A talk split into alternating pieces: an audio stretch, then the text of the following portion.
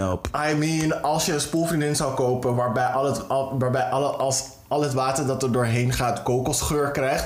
Kijk, dan heb je me. Maar Rihanna, de naam die gewoon letterlijk mijn ass ingaat om mijn ass schoon te maken voor de 40 dicks en voor- voor 40 nights die erin gaan. Nee, sorry. Child. Losse banden hoor. Losse banden. Elastiek, vriendin. Oeh. Elastiek. Oké. Magnifiek. Elastiek, magnifiek. Jawel. Get. Dat is de naam van mijn poes nu. Est-ce que tu aimes de sexe? Élastique magnifique. Est-ce que tu aimes le sexe? Élastique magnifique. You heard it. Oui, tu aimes ça. You heard it here first. The end of partition is Anthony's ass. Um, ik noem het gewoon losse banden, maar ze noemen het elastiek magnifiek. I will never live this down. En ik weet dat ik het nog jaren ga horen. Gadverdamme. Anyway. Ready? Um, yeah, I think so. Let's go. Alright, welkom bij aflevering 60. Yes, onze podcast is officially a golden girl. Oh, go. Bitch. I feel like a golden girl. Thank you for being a messy friend. Thank you, girls. Oké, welkom bij Kleine Vrijdag, de Black Queer podcast van de Lage Landen. Jouw wekelijkse lach en roze kijk op verschillende actualiteiten in binnen- en buitenland. Social issues en millennial... Nou, millennial? Boomer drama. Yo. Wat? Ik- Oké, ik vond dat Yo, te je leuk. vond jezelf echt te grappig. Gewoon, gewoon te grappig. Oh my god, I make a joke. Laat het niet. I'm doing my best. Oké. Yes. Ik ben Webo Jesus op Instagram. En maar deze week ben ik de titel van die ene meid waarvan je dacht dat ze te perfect waren om natuurlijk te zijn. Want ze draagt never een BH en they're sitting. Maar het enige wat ze heeft gehad is een booblift. En nu overweeg je het ook, maar je hebt niet de volume. En now you're En ik ben Black Hermione en vandaag ben ik Lewis Hamilton. Want je girl op de eerste rij is gehad. Eeuw, Oh. Yes, bitch. Amsterdam. Wear je Amsterdam. seatbelt. Baby girl, stay off the street if you know what's good for you. Jawel. Yo. Fast and Furious Amsterdam Drift. Bel maar drift, girl. Furious. Dolinga dreef is nooit meer veilig. Oh my god, die Doling gaat erin. Yes, bad. De hele aflevering wordt een groeientijd tegengeschonken die lekker gedronken kan worden in de shade die er gratis bij komt. En welkom bij de Zoep Zoep Yo. Scoot Scoot Show. Cool. Good. Scoot. Oké, we beginnen altijd met Before I Let Go. Hier komen we terug op iets behandeld in een vorige aflevering. We het ons zelf of een luisteraar voor clarification of exclamation. Ja. Heb jij iets? Eh, ik heb een correctie van de vorige aflevering. Want ik zei dus dat het rapport ging over eh, Indonesië rond de tijd van de slavernij. Dat werd afgeschaft. Maar dat is actually feitelijk incorrect. Dat gaat eigenlijk over eh, Nederlands-Indië tijdens de Tweede Wereldoorlog. But hey, hey, hey. Je moet jezelf kunnen corrigeren. Yes. Dus I stand corrected and I'm letting it go. Ik heb verder niks. Dus ik denk dat ja, als ik dat zag het iets is... in de mailbox, maar ik heb het niet voorbereid. So let's move the fuck on. Yes. Volgende week We nemen het mee voor volgende week. It has been released. Cool. Skip. Yes. Dan gaan we nu over naar Who's Giving Us Life Right Now. Hier zetten we iemand in de spotlight vanwege zijn progressiviteit, noemenswaardige bijdrage aan de community te hebben geleverd of gewoon te hebben bewezen de ultimate bad bitch of the week te zijn. Mhm. Wil jij eerst gaan? Ja hoor, als eerste staat op mijn lijstje Ziway. Op eh, Instagram heet ze CWF. En this girl is me. Ga stuk. Eh, ze is een eh, comedian. Ze is van, van Nigeriaanse afkomst. Maar ze leeft dus om white people like uncomfortable te maken. Maar gewoon een beetje sociaal fucked up situaties. Zoals bijvoorbeeld... Dat was echt mijn humor van vorig jaar. Ze liet... Ze liet dus zeg maar ehm, eh, een van de guy, The Color Purple, de lines van Miss Seeley voorlezen. En die guy was zo... What who this woman? Nee, gewoon van... eh pff, oh, laat me niet de Color Purple color verkeerd quoten. Nee, laat me dit laten. In ieder geval, iemand ging de Color Purple quoten. Maar het was like een eh, witte man. En het was zo van... Oh nee, ik wil het echt nu niet zeggen. En toen... ehm, allemaal van dat soort grappige dingen. laat ze gewoon eh, white people gewoon zeggen dat ze uncomfortable worden. En ze van... Eentje die ik echt heel leuk vond was bij een actrice. Ik weet niet meer wat ze speelt, maar don't give a shit. Ehm, die chick zei zo van, ja, wat nou als je ehm, bent aangevallen in een steeg en de politie belt je dan. Wat zeg je dan? Ze zei, I've just been stabbed. Ze zei, ja, wat voor omschrijving zou je geven? He is black. Uh, ze zei, she's black. Ze zei, ze no, but it's my friend. Je die chick zo uncomfortable worden. Ik dacht van, oh, I love this. Uh, if I'm gonna be uncomfortable, ongevraagd moeten jullie ook uncomfortable zijn, bitches. I mean... En als volgende op mijn lijst staat Dalia Ahmad. Um, ik weet niet precies waar ze vandaan komt, maar het is een mevrouw die een... Oh, mevrouw. Grio. Come, come on. Een dame, een lady. Een lady. Een lady. Nee, maar het is een uh, nieuwslezeres. Volgens mij, ik gok zo uit Egypte. Fox News? Oh, Oké, Nee, nee. sorry, ga maar door. Oh nee, girl. My who's giving me life right now. Daarom. Wow, wow, wow. Uh, ik weet dat ik niet zo on my points ben deze week, maar dit is wel off, offbeat. Ehm, ja, Dalia Mat had zeg maar ehm, had een beetje een read op... ehm, ik ga nu zeggen Egyptische nieuws, but don't quote me on this. Ehm, ik zal die link erbij doen en dan kan je het zelf gaan opzoeken, dat clipje. Maar anyway, ze had, zo was het over, want ze is dark skin en ze is Arabisch. En ze had het over van dat mensen zoals haar eh, de Arabische wereld ook echt vooruit hebben geholpen. Eh, als poëten, als wetenschappers, als mensen die gewoon waarde hebben. Je moet er niet zien als minder omdat ze gewoon een andere huidskleur heeft. En ik vind dat een geldige, geldige, geldige reden. Ehm, een, eh, ja, een geldige, hoe noem je dat? Mm, niet reden. Het is een geldige uitspraak. Want hoe je ook draait of keert, overal de wereld is er een anti-black movement. En in de uh, Arabische community hebben we het er nu ook niet heel vaak over. Maar voor de mensen die het nog niet weten, you heard it here first. Tijdens de tijden van de slavernij was het niet alleen maar de white people die mensen gingen kidnappen van de Afrikaanse kusten. The Arabians did it too. So if you didn't know it, now you know it. Zo, en in, die cultuur is het ook nog wel een beetje, nou, wil niet zeggen ook wel nog een beetje. Het is er ook wel in een bepaalde mate. But not what they did in America. In the Americas. It's different. But so, you know. En als laatst heb ik een lijst met zwarte pornosterren waar ik zeker van weet dat je de helft van jullie allemaal op hebben gerukt. Uh-oh. Yes, bitch. Uh-oh. Wordt het een soort van compilatie Giving Life? Wat dan? Nee, het is gewoon een lijst met namen. Oké. Het gaat Ik dus ga om nu die niet lijst. die fucking lijst opnoemen. Het gaat dus om die lijst, maar niet om die namen. Nee, het gaat om die lijst. Dat er gewoon bestaat van, oh ja, ik ken hem. Oh my god, toen was ik in groep die. En toen was ik in... Oh, oh, je bijna nog drie Yes. zeggen, girl, stop. Ik zei die. Jij hebt die drie gezegd, oké? Oké. Maar anyway, dat was mijn Who's Giving Me Life right now. Oké, cool. Ehm, mijn eerste Who's Giving Me Life right now is Mary J. Blige. Yes, iedereen staat. Go Mary, Go Mary, go Mary, go Mary. Fuck it up, Mary. Hey. The auntie that invented knee-high boots. Baby. Oh, oh. Yes, bitch. Stomp the yard. Mhm. Maar ehm, voor haar optreden tijdens de Super Bowl, wat fucking iconic was. Samen met natuurlijk Snoop Dogg die aan het kickwalken was. eh, 50 Cent die ondersteboven hing. Die het echt helemaal hing als zijn knieën ondersteboven in plaats van als zijn voeten. Best wel wack was. Maar goed, weet je, hij is, hij is ook oud aan het worden, maar whatever. Het gaat om onze girl, onze tante Mary. Ze heeft het gezet. Beter dan iedereen gezet. Just so you know. It was Mary Super Bowl. Super Bowl. Dus ehm, voor haar, goede shout-out. Yes, yes. Super Bowl. Net als, net als ze het uh, uh, Beychella noemde, dit was Super Bowl Blige. Oh baby, how dare you? How dare you? You're, you're trying to get a rise out of me, but I'm not gonna give you it. I'm Nee, not gonna ik, give ik you zeg it. niet, ik zeg gewoon van, weet je, hoe mensen bepaalde events hebben overgenomen Mhm. Ze- en, en het daarna, daarna een naam aan hebben vastgeplakt. Net zoals eh, Beyoncé Coachella heeft overgenomen en het Beachella was. Heeft Mary J. Blige de Super Bowl overgenomen. Baby girl, Mary J. Blige did none of those things, baby girl. Op zijn minst heeft een geriatric dance gezet en that was it. En nog een beetje mooi gezongen, but she didn't take shit over. Nope. Ja-. Nope. Nope. Het was de Super Bowl Blige. Maar goed. ehm, daarnaast Sydney Carter. Ze is een ehm, W, vorig voormalige WNBA-speler. Die nu de ehm, basketbalcoach is van de Texas A&M A&M University. En waarom ik haar noem, is omdat ze een bad bitch is die aan de zijkant als coach gewoon al die outfits zet en people are pressed. Waardoor ze dus zeg maar recentelijk in het nieuws is gekomen, is omdat mensen. ehm, ze had dus zeg maar, je weet toch die, die Ivy Park, soort van latex broek, die hele strakke. Ze had die dus in het roze aan. En mensen waren van, oeh, je hebt echt ongepast aan. Terwijl ze gewoon verder een wollen trui erover ha- aan had. En verder gewoon lange nagels. En ze zag er gewoon prima uit.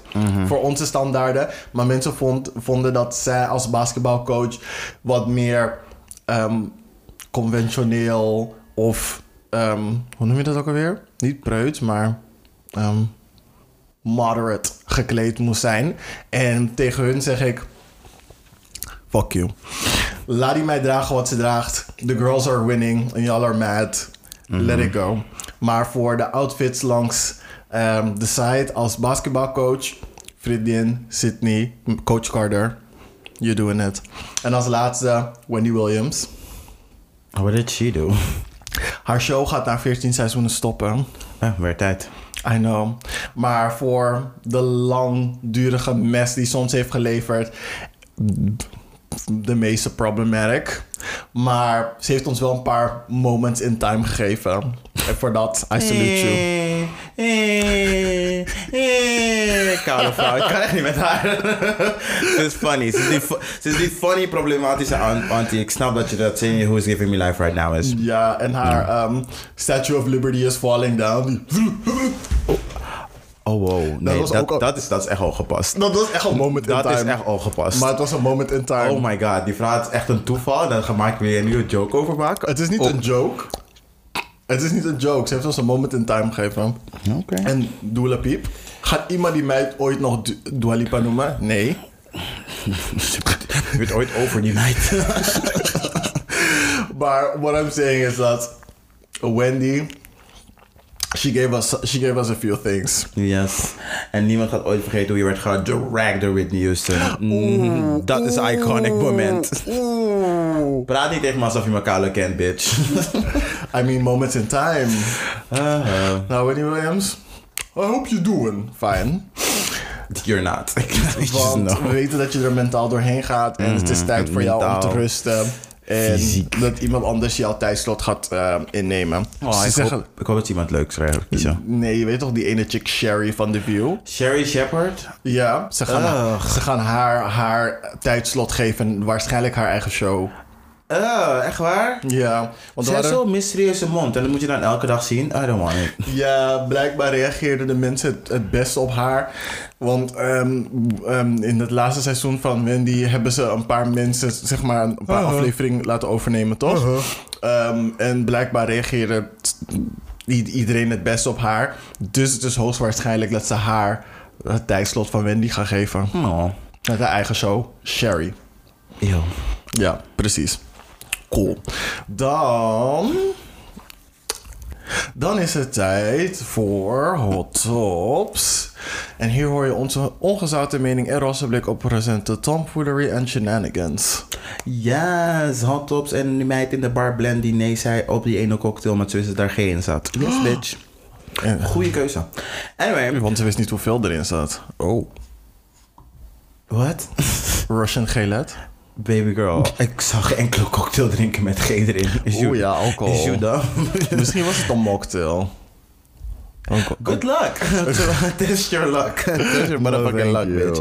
Ehm, ik ga wel eens eerst. Go. Ehm, ik begin wel meteen met de poli- politiek update. Want de biggest news of this week, baby girl. Ja, ja. Voor die mensen die zeg maar ehm, de oorlogstrommels nog niet hadden helemaal gehoord uit eh, Oekraïne. De rampapapam, rampapapam coming. Anyway, Ik moet echt geen jokes maken, dus like, ik zo war imminent.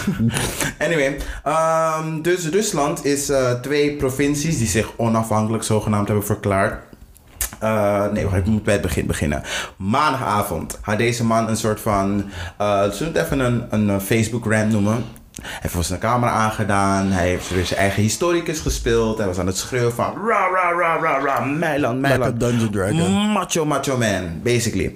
Ehm, de volgende dag is hij met troepen dinges ingevallen. Eh, twee provincies die zich onafhankelijk had verklaard. Eh, dat zijn Lu- eh, Donetsk en Luhansk. Eh, Die, dat zijn twee provincies die zich in Oekraïne bevinden. nee, in Bratislava. Oké, is oké. natuurlijk in Oekraïne. Anyway, ehm, die twee provincies hebben zich onafhankelijk verklaard. En hij erkent de onafhankelijkheid. En dan noemt hij zeg maar, die missie die hij dus heeft ingestart een vredesmissie. Waardoor hij nu Oekraïne binnen is gevallen in die twee provincies. Let wel, aan die kant van uh, Oekraïne zijn er best wel veel Russische mensen die een. ehm, die etnisch Russisch zijn, maar ze zijn in Oekraïne geboren, maar ze hebben een paspoort en bla bla bla bla. Ja, ja, ja. Het hele bullshit verhaal die je zeg maar op probeert te Dat is houden. mensen van Texel en Friesland. Ja, soorten kinda. Ehm dus hij noemt het een vredesmissie en hij is het land binnengevallen. En er is nu natuurlijk gewoon tumult over de hele wereld van wat de fuck ben je aan het doen. Eh, Joe Biden heeft een speech gehouden van 20 seconden. Nee, 20 seconden. Hij was best wel boos voor zijn doen. Je weet toch hoe? Opa's kunnen niet boos worden, anders poept hij in zijn broek. Ik ga stuk. Dus... Ah, Tena lady, no Oh. Nee. Ehm, de hele wereld is natuurlijk in rep en roer, waar niemand wil natuurlijk dat er oorlog, oorlog uitbreekt. Maar Nope. de- sorry, de boosdoener zie je gewoon in dit geval gewoon echt like ehm, Vladi- Vladimir Poetin. En het is gewoon, het is ongehoord. Het is gewoon like, Why you do this? why you do this? En waarom, waarom zou je dit op dit moment doen? En het is ook eh, best wel telling dat je nu pas begint met je ra ra ra shit nadat dingen de Olympische Spelen klaar zijn in China. I see you. I see you, Vladimir. Anyway, er zijn dus alle, alle landen hebben nu allemaal sancties opgesteld. Um, het is een beetje, ik vind het een beetje zwakke sancties, ikzelf. Want ze zijn specifiek gericht op eh, mensen naast Poetin. Eh, dus oligarchen en de kinderen van de oligarchen die dus bijvoorbeeld in Londen studeren. Um, en ook op twee, op twee eh, Russische banken. Maar het is een militaire bank en nog een andere bank. Het is geen commerciële bank, dus je raakt de mensen van Rusland niet per se direct. Ehm, en het zijn ook specifiek gericht op die twee re- eh, regio's in, dinges, in, ehm, in Oekraïne. Maar je moet bij jezelf denken, we dreven nooit al handel met die twee regio's in Oekraïne. Dus het is een beetje symboolpolitiek. Ehm, dit is de eerste stap volgens ehm, de eh, dingen door volgens de eh, Europese Unie, niet de Europese Unie, door, door de VS en Oekraïne, eh, de buitenlandse minister vindt van ja, het is de eerste stap, is wel een goede eerste stap. Eh, maar ik denk bij mezelf van, baby girl, vorige week zei je nog tegen ons van ja, als de tank, de tanks beginnen te rollen, volgen meteen de sancties. Nu doen we symboolsancties. Ik weet niet of jullie het doorhebben, maar Vladimir Poetin is niet die guy die zeg maar halve dingetjes doet. Hij reageert op geweld. Ik zeg niet rol daar naar binnen en begin like AKA's meteen te poppen, ta ta ta ta ta. Maar wees gewoon even direct en zeg gewoon van hey, tot hier en niet verder. Want nu laat je gewoon best wel veel ruimte open voor hem om nog een paar dingetjes erbij. Oh, laten we, hele, laten we daar nog even een provincie pakken. Laten we daar even een provincie pakken. En dan is opeens Zuidoost uh, Oekraïne meteen voor hem. I'm just saying, a lot is happening op het strijdtoneel. En tot nu toe hebben, heeft uh, dingen, sancties ingesteld. Natuurlijk eh, VS, Europese Unie, uh, United Kingdom, Australië, Japan, Zuid-Korea. Dus hij voelt wel de druk om, geen, om zeg maar, niet meer te gaan dan, doen dan dit. Maar ik denk ook van, weet je, dit gaat alleen maar erger worden. Mhm. Er was ook een meeting deze week gepland tussen hem en Anthony Blinken. En dat is de Anthony Blinken. Dat is de dingen, zo heet het. De... Mm. De... Defense, defense minister van dingen van Amerika. Maar die is dus zeg maar stopgezet, want natuurlijk was de bedoeling dat je niks meer zou doen. Anyway, dat was de politieke update voor het buitenland. In het binnenland, baby girl, what is happening with the girls? Heb je dit meegekregen? Waarschijnlijk oh, niet. waarschijnlijk niet. Baby No, girl, iemand go is gisteren in de motherfucking Apple Store mensen gegijzeld. Wat? Met een Uzi bitch. What? Met een Uzi bitch. Lil Uzi Vert was in de Apple Store. Niet Lil Uzi Vert, een 27-jarige Amsterdammer was in de koude Apple Store. En had een man met een Uzi, eh, was hij hem aan het gijzelen. Wel vijf uur lang. Het begon om half zes en het duurde tot, ja, vijf uurtjes. Dus half twaalf? Half elf? Of something. Anyway, het is allemaal geëindigd dat die... ehm, eh, misdadiger, ik ga je gewoon een terrorist noemen, dat die terrorist is geëindigd in het ziekenhuis. Want toen hij aan het einde, een beetje richting het einde, water vroeg, moest de persoon die hij, eh, zeg maar een pistool tegen zijn hoofd houdt, het oppakken. Maar toen rende die man weg. eh, en die man dacht van, fuck it, I'm just gonna try my luck. I mean. en dan van, bye. En toen rende hij weg en toen rende die terrorist achter hem aan. En toen hij naar buiten rende, kwam er, kwam er een auto zo vanuit de dingen, vanuit de, eh, richting van de Lamar zo aanrijden. Dat die man Mhm. zo aangereden, zo bam, door die auto. En toen lag je daar zo op de grond. Oh en toen zag je like vijf snipers zo, zo op een point. Zo, bitch, oh, het was Casa de, La Casa de Papel. Ik zweer het op. Leidseplein. Ik dacht, yes bitch. Nou, what's happening? Ah. Nee, het is, sorry, alle jokes aside. Ik vind dat we echt een hele, hele heftige kant op gaan met eh, de criminaliteit in het land. Maar echt. Het- You're getting bold. You're getting Killing really bold. lawyers. Like, what is... Like, holding up the Apple Store? Wat is gebeurd? Je abonnement werd niet verlengd? Je kon geen, Apple, je kon geen dingen op afbetaling krijgen? What's going on? Oh, ik moet er verder gaan. Ehm, ja, nee, het is zeg maar, het is super telling whatever. Want als je kijkt naar vorige zomer met Peter de Vries, denk je al van, weet je, het gaat vast niet erger worden dan dit. Het is misschien, was misschien goede hoop dat je dacht van, oh, misschien worden ze toch niet gekker. Maar dit is like a new low. Er zijn, zoals ik begin te vrezen, misschien echt te veel wapens in de omloop. Ehm, dat mensen gewoon dit soort acties kunnen uitvoeren. Hij wilde 200 miljoen in cryptocurrency. Ik bij mezelf van, baby girl, Wat? Vanuit de Apple Store? wat? Mm, Ja, van de government wilde hij dat. Oh, oké. Hij was in Apple. Apple had er basically niks mee te maken. Het Oh, was gewoon like, hij was daar en ik dacht van oké, die- die is wat ik inderdaad ga. Ik vind het echt grappig, sorry. Maar hoe zou hij dan uit die Apple Store komen girl, zonder ik- gepakt te worden? En, eh, Ik weet, niet wat, ik weet niet wat het plan was. Het plan was volgens mij niet om. Ik denk dat deze dingetjes, de laatste tijd, als ik erover nadenk, hoe, als ik moet gaan gissen hoe de onderwereld nu dingetjes aan het doen is, is het zeg maar zoiets van: we, we willen laten zien dat wij controle hebben. Leef een beetje in angst. Weet dat zeg maar, die veiligheid die jullie zeg maar, gewend zijn, dat dat er niet meer is. Dat gevoel krijg ik een beetje. Want niks is doordacht. Blijkbaar. Niks is doordacht. Niks is zoiets van oeh. Maar jullie willen gewoon zien van de politie heeft zeg maar, geen grip meer op de situatie. En dat begin ik gewoon steeds meer ook te geloven. Want als je kijkt naar wat er allemaal gebeurt in de criminaliteit. Als je ziet hoeveel dingen niet worden opgelost. Als je ziet hoe baldadig ze zijn geworden. Dat je gewoon nationale helden kan eh, neerschieten zonder enige consequentie. En nog denk dat je op de A2 gaat kunnen rijden tot aan weet ik veel waar je bent gekomen. En denk van dat dit normaal acceptabel gedrag is. En daarnaast ook die. ehm, het was, was ook helemaal, het was me helemaal ontgaan, maar een tijdje geleden was dus ook een guy die een van die RTL-studio's had overgenomen met een mes. Oh ja. Ik dacht van, oh ja, dit Gewoon also een- happened. Iemand is ook met een politie, met een, oh, politie- met, met een wapen gewoon bij NOS binnengekomen. Gewoon Ja. die hele aflevering overgenomen. Ik echt denk van, damn. Ja, or bold. Daarom, And not beautiful. uh, not beautiful. En ik denk bij mezelf ook van, weet je wat... Aan de ene kant denk ik van... Ik vind het goed, want zoals het werd gerapporteerd, zeiden ze ja, een 27-jarige Amsterdammer, 27-jarige Amsterdammer. En daar ben ik in, de ene, in het ene. In aan de ene kant denk ik bij mezelf van, weet je, ik snap het wel, want je wil de privacy van de persoon beschermen die het doet. Maar aan de andere kant denk ik van, fuck hun privacy. Fuck hun privacy, want je kan niet zo'n daad gewoon verrichten en denken dat dit gewoon oké is. Politie is nu twee woningen aan het zoeken. Eentje waarvan is waarschijnlijk je moeder. Schaam je. Je hebt je moeder in verlegenheid gebracht en ze staat nu op AT5 en niemand wil dat. Anyway, verder was dat mijn politieke update. Cool. Ehm, heftig. Heb ik niet meegemaakt.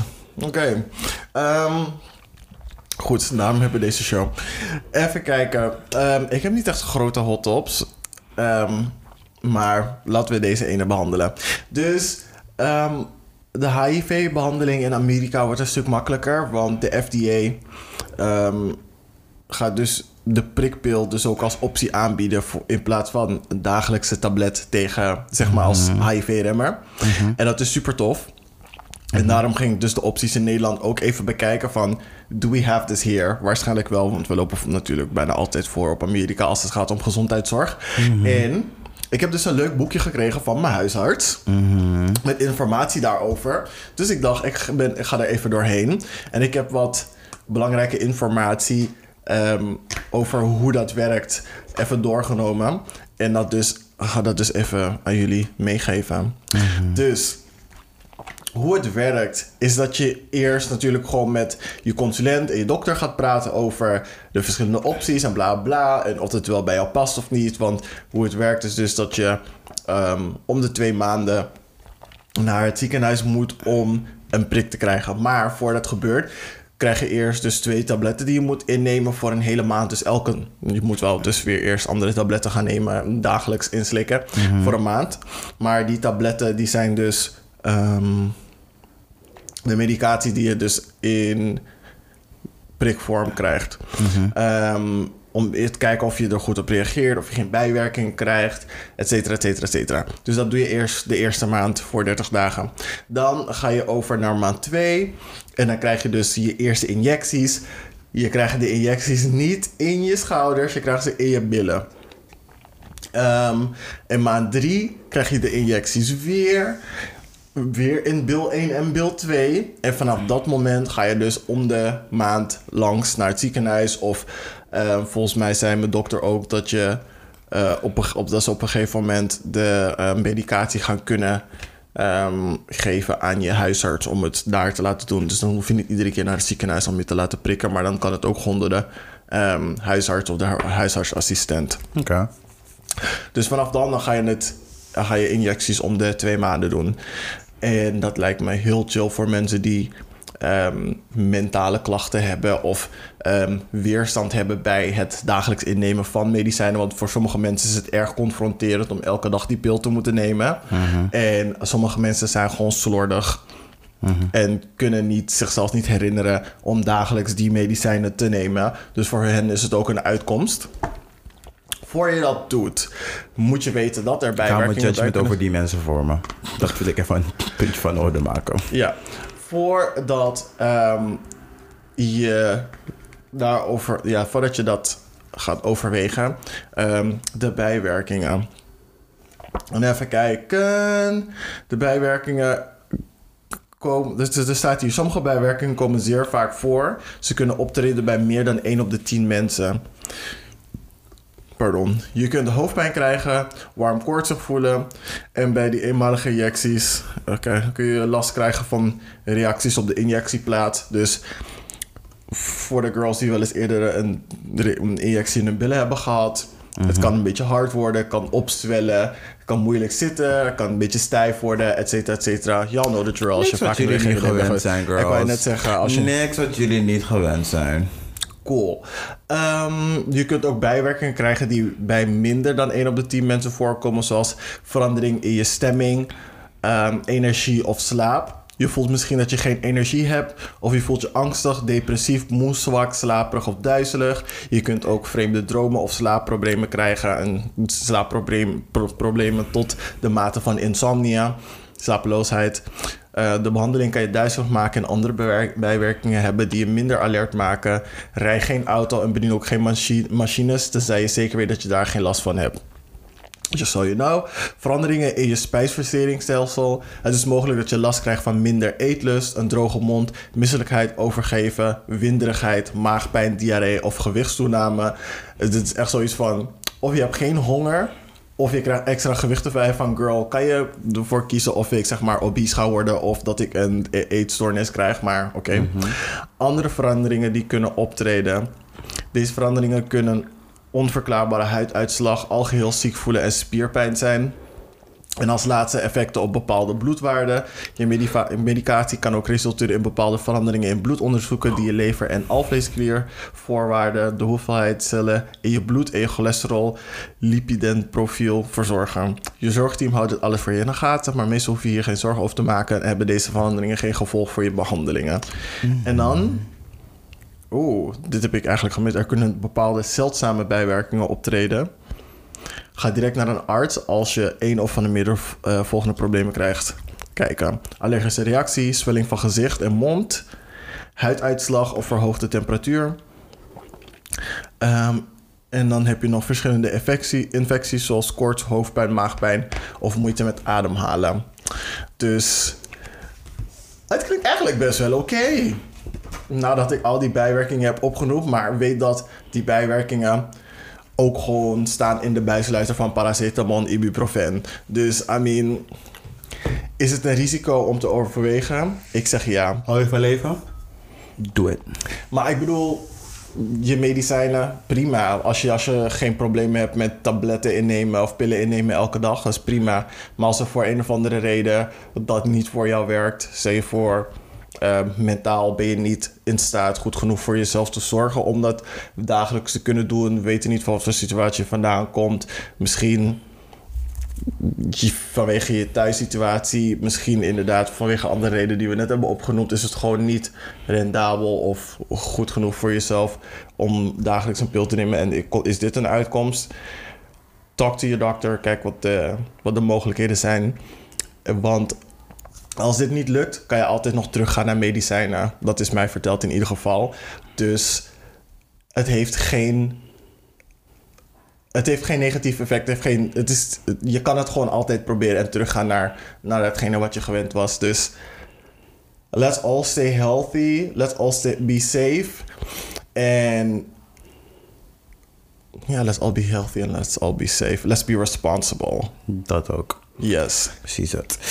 Ehm, ik heb. ehm, ja, is het een major topic? Ja, weet je, het is een beetje. Ik had eigenlijk bij de shirt mention, maar ik denk dat het wat langer gaat worden. Dus de Boos had onlangs een oproep gedaan aan mensen die bij het toeslagenschandaal hoorden. Oh, dus, no. and you know, baby girl. Oh no, wanneer Als- je boos boos maakt over iets. Dan wordt heel Nederland boos. Oeh. Apparently. Uh, jullie weten maar, mijn baby daddy had zeg maar dus die oproep gedaan. Ehm, en onlangs had er dus eh, een vakbond die geaffilieerd is met de Belastingdienst. Die heeft dus een aangifte ingediend.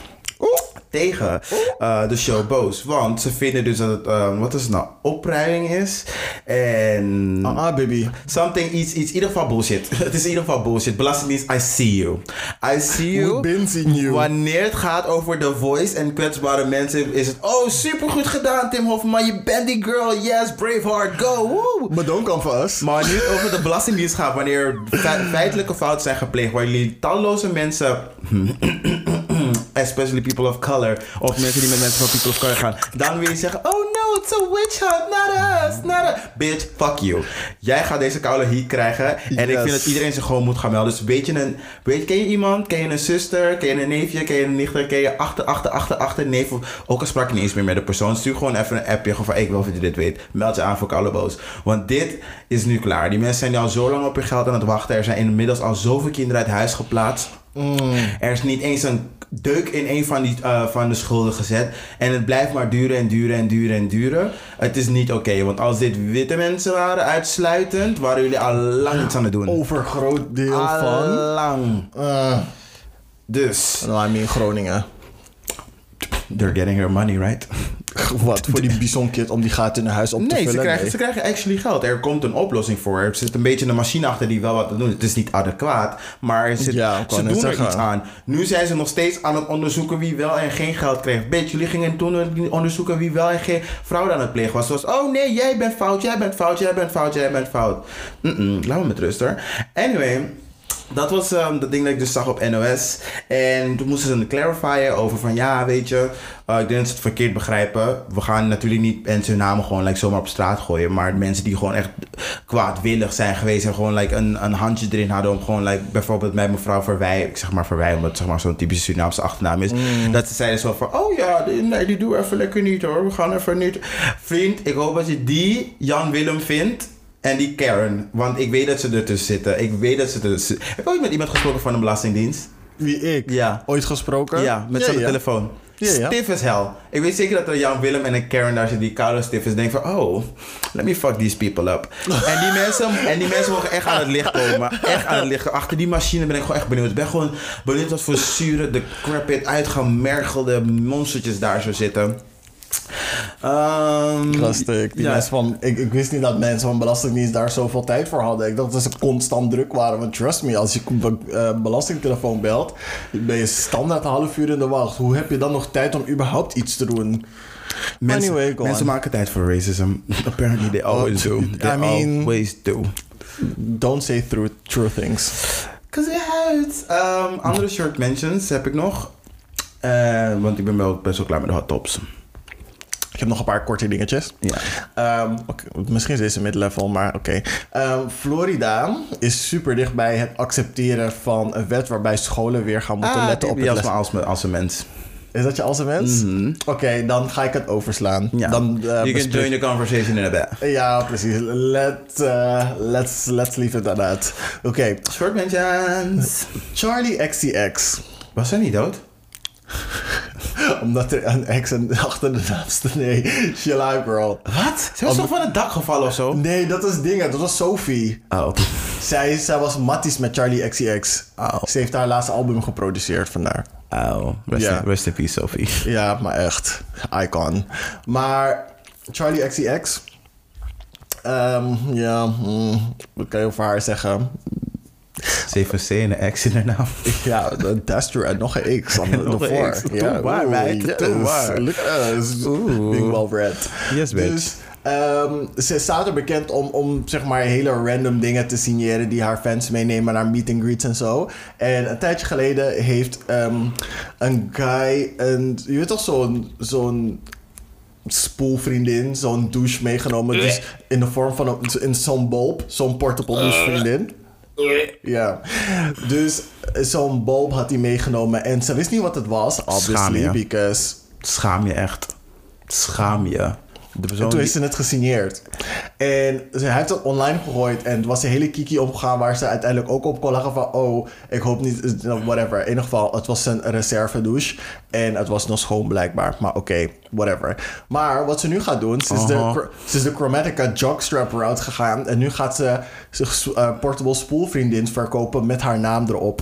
Dit is echt voor de white gays. Dit is echt voor de white gays. I mean... Dit is echt voor de white gays. En Anthony. Beyoncé... Nee, no thank you.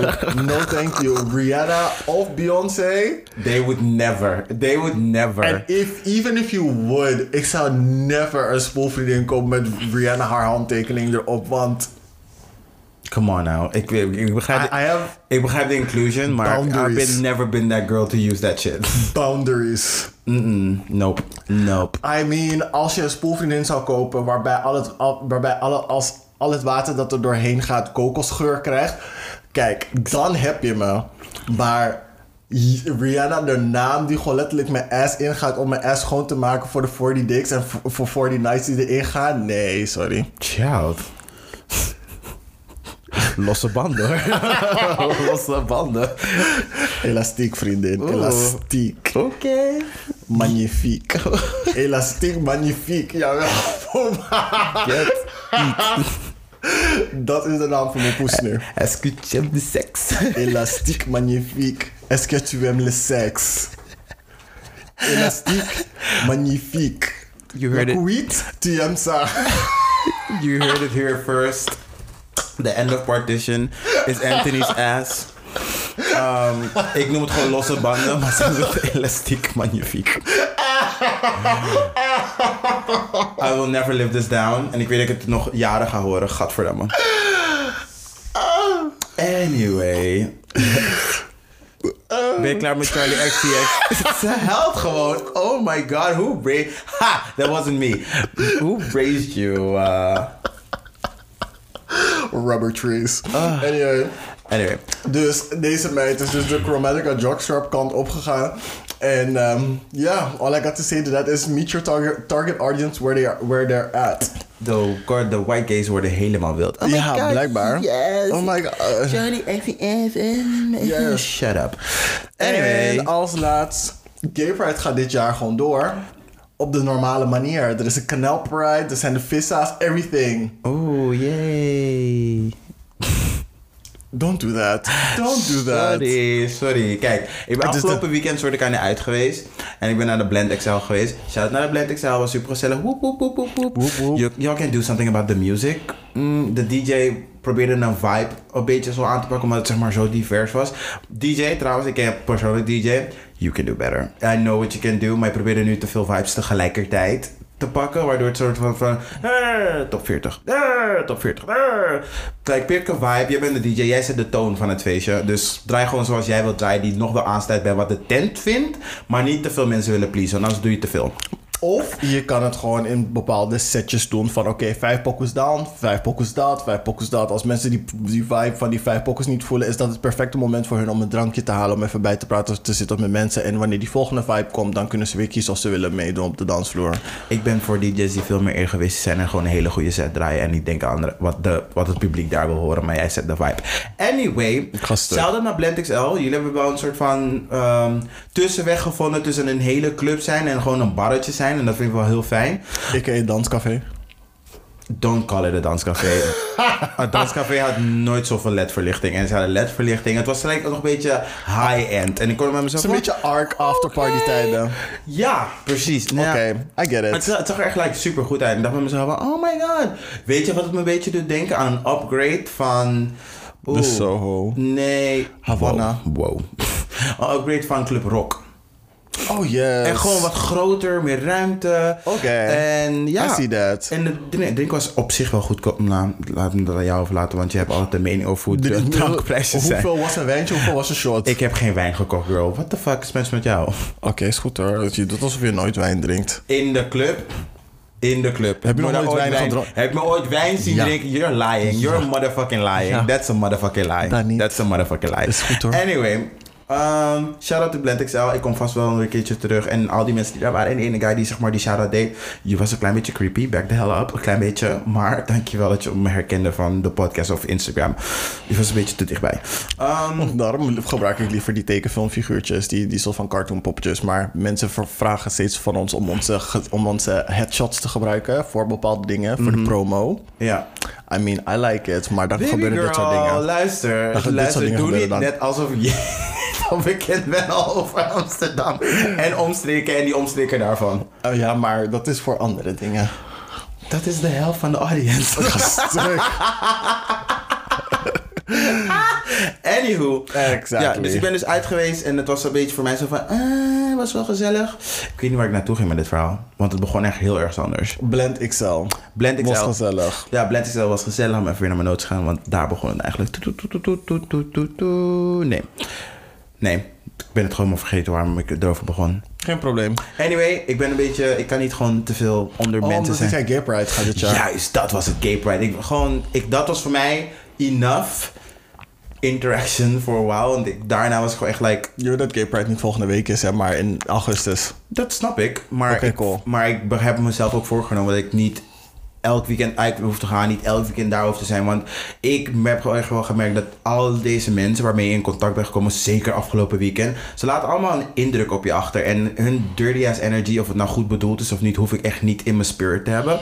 En dus ik denk met mezelf van oké, leuk om even toen uit te zijn geweest en even al die dingetjes te hebben gedaan. En mensen weer zien, superleuk, maar ik voelde me weer even dotty. En toen had ik bij mezelf, ah, dit is waarom ik die goede voornemen had genomen. Toen in dinges, in, ehm, in januari. Ehm, gewoon zo- zoals iedereen heeft. Dit is om dat gevoel gewoon tegen te gaan. En het was echt geen fijn gevoel. Het is gewoon disgusting. Met zoveel mensen in contact zijn. Al met al, it was fine. En nu de short mentions. Cool. La, la, la, la, la, la, la. De Kanye West eh, serie. Wat vond jij ervan? We hebben aflevering 1 gezien. Aflevering 2 is eh, de 23e uitgekomen. Dus komt die, was die 23. gisteren uitgekomen, ja. Ja. Ehm, heel eerlijk, die eerste aflevering daarvan. Het geeft wel wat meer nuance aan zijn verhaal. Van, weet je, een struggle. Weet je, desondanks hij nu zo groot is. En het leek alsof hij uit het niets ergens vandaan kwam en direct groot was en groot bleef. Er is weerstand. Er is weerstand, weerstand, weerstand. Waar je doorheen moet gaan, waar je doorheen moet struggelen. Ehm, maar het kwam niet zo eh, hoe noem je dat? Baanbrekend over. Het was niet zeg maar heel anders dan het verhaal van andere mensen die ook een come-up hebben gehad. Er was niks dat aan zijn verhaal echt afweek van anderen. Dus in dat opzicht was het niet bijzonder. Wat ik wel echt heel tof vond, was hoe zijn moeder hem motiveerde. En dat zijn moeder gewoon echt gewoon un, eh, wat is het? unreleased tracks of zo van hem ging rappen van ik vind deze echt kapot tof van jou toen je 15 was. En ze ging het gewoon van begin tot eind rappen. Gewoon van, oh sorry ik een paar ehm, woorden ben vergeten, maar het was ook zo lang geleden. En je hebt het never opgenomen dat ik echt dacht van... je moeder is echt gewoon je biggest fan. En dat, dat is zo mooi om te zien. En dat iedereen die in zijn crew was, die ehm, bij die moeder dus langs ging, zei van. De enige reden waarom we eigenlijk. Het leek alsof de reden waarom we naar Chicago waren gekomen. was om met zijn moeder te praten. Want daarna was hij gewoon zo pumped, zo hyped. om gewoon weer aan de slag te gaan. En we hebben wat van die energie meegekregen. En het was echt zo tof om mee te maken. Dus ik snap waarom hij zo hard voor zijn moeder gaat. Want zijn moeder ging letterlijk drie keer harder voor hem. En dat, is echt, dat was heel mooi om te zien. Maar verder. Redundant. Ja, Ehm, I totally don't agree. Ik vond het echt wel een hele, ehm, hoe noem je dat woordje? Onluisterend, ontsluierend of something. Ik, je bij Kanye West, ik denk omdat hij zeg maar zo groot is en ik hem altijd als zeg maar een super artist heb gezien van hij heeft een hele grote visie over waar hij naartoe wil gaan, heb ik nooit nagedacht en ik ben nooit iemand geweest die kijkt naar mensen hun, hoe noem je hun cover story. Cover girl. hun coming up story. Volgens mij de enige persoon die ik echt legit heb gekeken is like van Beyoncé. Dat ik ook echt like op de voet heb gevoeld van oh my god, how did you get here? De rest van die mensen boeit me niet. Ik denk van I don't give a shit dat je in een koude diner werkte toen je 14 was. Iedereen moest werken, bitch. Ga gewoon werken. Maar ik vond het, wat ik heel mooi aan hem vind, en dat is iets dat ik ook zeg maar mezelf eh, terugzie, is hij gelooft altijd in zichzelf. Hij laat zich niet vertellen dat iets niet goed genoeg is. Hij laat zich niet vertellen van, oh, ik hoor niet bij die crowd. Of, oh, ik wil niet, zeg maar. Hij gelooft in zijn visie. Hij weet waar dingen naartoe gaan. En ik denk dat dat heel belangrijk is. Want dat is ook die discussie die we vorige keer hadden. Die vrijheid die hij neemt over dingen waarover hij spreekt. Ja, dan wat? Je vindt er niks in. Oh, dan wat? Je vindt het niet interessant. Oh, je vindt het niet tof. genoeg. Dat fuck you, dat is jouw probleem. Maar ik heb die vrijheid om te maken en te doen wat ik wil.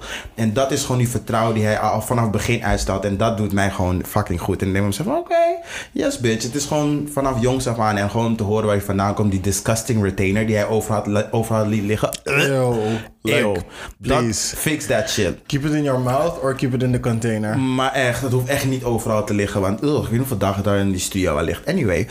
Dus dat vond ik gewoon, ik vond het wel heel goed. En ehm, het heeft me wel weer Kanye een beetje laten appreciëren. Ik heb wel een nieuwe waardering voor hem gevonden, bedoel ik te zeggen. Want ik denk dat het heel makkelijk voor ons is om naar die, ehm, naar die gekke rants van te kijken. En er zijn bepaalde dingen die echt onvergeeflijk zijn, die ik echt nooit meer ga vergeten. Dus hij gaat met mij nooit meer op de plek komen die hij eerst had. Maar het, gaat, het maakt hem wel weer wat menselijker. En gewoon het feit dat je vanaf toen al, ehm, al een documentaire bent gestart. Dat is al zeg maar die vision waar het al begint. Dat je zeg maar mensen om je heen hebt die echt al denken van oké, dit is iets dat zeg maar ehm, je raakt samen met de energie en de vibe die je hebt. Dat ze denken van oké, dit moet ik al vanaf nu beginnen op te nemen. Want dit is niet met voorbedachte raden gedaan. Nee. Nee. oh, dit doen we gewoon cute, gewoon van oh ja, nee, dan kan je dit ooit een keertje terugkijken. Maar om dan gewoon over die hele periode terug te kijken, ik vind het fucking amazing gedaan. Ik ben benieuwd hoe de andere dingetjes eruit zien. Um, I want to get to the juice. I want to get to the motherfucking juice, oké? The Wat- juice. Wat ik ook grappig vond, is dat hij aan het tweeten was. En er mensen ook echt daadwerkelijk zijn die zeggen van... Zou je dit wel tweeten? Ik denk niet dat je dit moet tweeten. En ik vraag me altijd af of dat soort mensen niet gewoon een paar mensen in een team hebben die zeggen van... Yo, dit, dit is hem niet. Weet je zeker? Mm, Misschien moet je het niet doen. But they've got those people in their team. En alsnog... Maar oké, it's a free country, doe wat je wil. Nou, ik ben free human being, vrij wil, doe wat jij wil. Fuck andere mensen hun mening. En dat zeg ik nog steeds elke keer. En laat het gewoon in alle facetten in je leven gewoon like doorschijnen. Free your mind, but lock your Twitter. Maar echt. Don't be colorblind. Mijn laatste short mention is zo voor de avondshow van Arjan Lubach. Yay, hello other baby daddy, hey. Ik ga stuk. Hey, uh, no, I'm not cheating. I'm just playing both fields. They play with us in... Laat me man. We zijn niet monogaam. We zijn niet monogaam. Let it go. It's fine. Ik ben wel monogaam hoor, maar I can have my two non-problematic white men, oké? Um, Ik heb gewoon meerdere mannen, punt. wat was het nou? Losse ik- band. Elastiek, magnifiek. oh my no, I got enough stretch for multiple men. Disgusting. Anyway, um, ik wil even, even heel snel voor de avondshow van Arjen Lubach. Ik vind het zo cute hoe wij, zeg maar... um, de show duurt maar een half uur. Het is van kwart over tien tot kwart voor elf. En het format is, hij heeft een openingsmonoloog, een grote, een grote segment... en dan heeft hij nog een gast die hij interviewt. Veel te veel dingen die je wil doen in een half uur. Dat, dat, dat ten eerste. I mean- de intro die je hebt, I don't like it. Het is een beetje een soort van... net gemaakt door iemand die van de media college komt. Het is niet cute. Oh. Het is echt niet cute. Dus, maar hap, misschien ja? moeten ze je nog even vertrouwen. En over een paar maanden of over een jaar heb je gewoon een betere introductie. Maar deze introductie is echt cheap. En ik ben blij dat je tekst de wit hebt meegenomen. Want hij is of mother baby daddy. Maar dat is oké. Ga stuk. Is oké. Is oké. Maar ehm goede segments wel. En hij is nog steeds even grappig. En ik ben, en hij heeft iets heel interessants op, opgehaald over eh, de eh, winterspelen. Over dat het zeg maar grappig is dat de NO NOS er pas iets over zegt. In de laatste zin van de hele uitzending. Dus ze hebben alle mensen geïnterviewd. Alle dingen zijn geweest. Afsluitceremonies geweest. En dan zegt hij van... Ja, ik denk dat Beijing wel heel erg blij is met, eh, met het PR voor, ehm, voor, deze, voor de campagne. Want we hebben het helemaal niet gehad over de Oeigoeren of iets in die trant. En dat was de laatste zin en toen was het black. Ik denk bij mezelf van ja, dus wil je nu een opmerking over maken om een soort van kind te pleasen. Terwijl je gewoon weet van het is like dead ass wrong dat we überhaupt in dat land zitten. En sorry atleten, fuck je koude medaille. Ik vind niet dat je kan komen zeggen, ja we hebben altijd getraind naar dat fucking punt, bla bla bla bla bla bla bla. There are people dying. Fuck je koude medaille. Hoe kun je... Soms denk ik echt bij mezelf dat mensen echt de wackste prioriteiten hebben voor hun personal gain. Voor hun personal gain. En ik vind het echt disgusting. En elke keer als ik er naar kijk, moet ik denken bij mezelf van... Oh, wat jammer dat mensen zo zijn. Want jammer dat Nederlanders er zijn. En denk ik van, oh ja, we hadden dus maar andere keuzes gemaakt. En dan wat zie ik daar allemaal witte gezichten. En dan moet ik weer die conclusie trekken. Als het allemaal, als het allemaal een gemengde publiek was, hadden we er dan wel wat van gezegd. Als er daar een moslim atleet ertussen had gezeten, had hij er wel wat van gezegd? Nee. Denk je dat echt? Nee. Dat, is, dat, dat geloof ik dus niet. Dat geloof ik dus niet. Dat geloof ik dus echt niet. Het zijn allemaal witte mensen die bij de witte spelen. Bij de, bij de witte spelen. bij de winterspelen zijn. Daarom is het zo makkelijk voor jullie om het gewoon maar een soort van een shrug te hebben van weet je, we don't care. Het maakt niet zoveel uit. Wat kunnen wij nou doen? Nee, ik denk niet dat het zo simpel is. ik denk wel ook- dat het zo simpel is. Die dingen ook- zijn zo moeilijk als je het zelf maakt. Ja, dat is wel makkelijk om te zeggen vanuit een westers of democratisch of weet je, geïndustrialiseerd land. Maar om dat te zeggen in China, waar mensen gewoon verdwijnen en zeg maar mensen die tegen het regime ingaan, weet ik veel wat voor consequenties krijgen. Het is makkelijk om te zeggen. Je ja, maar dat is niet, maar dat is niet hun schuld. Dat is dus de schuld van de comité. Van de comité. Really? Ja, want zij hebben ervoor gekozen het in landen te doen waarin, ze, waarin mensen dus zeg maar in hun vrijheid beperkt worden. Het is hun schuld dat de spelen daar zijn. Het is niet de schuld van de spelers. Nee. De spelers hebben inderdaad hun mening ehm, naar voren gebracht over wat ze ervan vinden, over hoe China eh, bepaalde ehm, de handelingen verricht en over die, eh, de Uyghurs in die, of in die etnische minderheden. Maar er is door de comité tegen ze gezegd van en door de eh, nationaal comité van per land tegen de sporters gezegd van oké, je hoeft je mond niet te houden, maar we raden ten, ten zeerste af om dat te doen. Want onthoud waar je bent, weet dat China dit soort dingen doet, et cetera, et cetera. Daarom is er het moment dat de Spelen begon veel minder tot helemaal niks gehoord over waar mensen dus heel luid over waren voordat de Spelen begonnen. Tot op het moment dat letterlijk de laatste zin van die afsluitceremonie.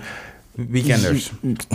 Als jullie één clip van me kunnen vinden van drie atleten die zich ooit überhaupt hebben uitgesproken over de Oeigoeren in China, stuur me het. Want ik heb geen moer van ze gezien, want het ging ze alleen maar om die fucking medaille. Ik ben echt benieuwd. Er zijn atleten die zich erover hebben uitgesproken toen ze in veiligheid van hun eigen land waren. Ik kan ze nu niet opnoemen, maar Ik weet dat je niet kan, dan vraag het aan de Weekenders. They have time Doe to dat. look it up. doe dat.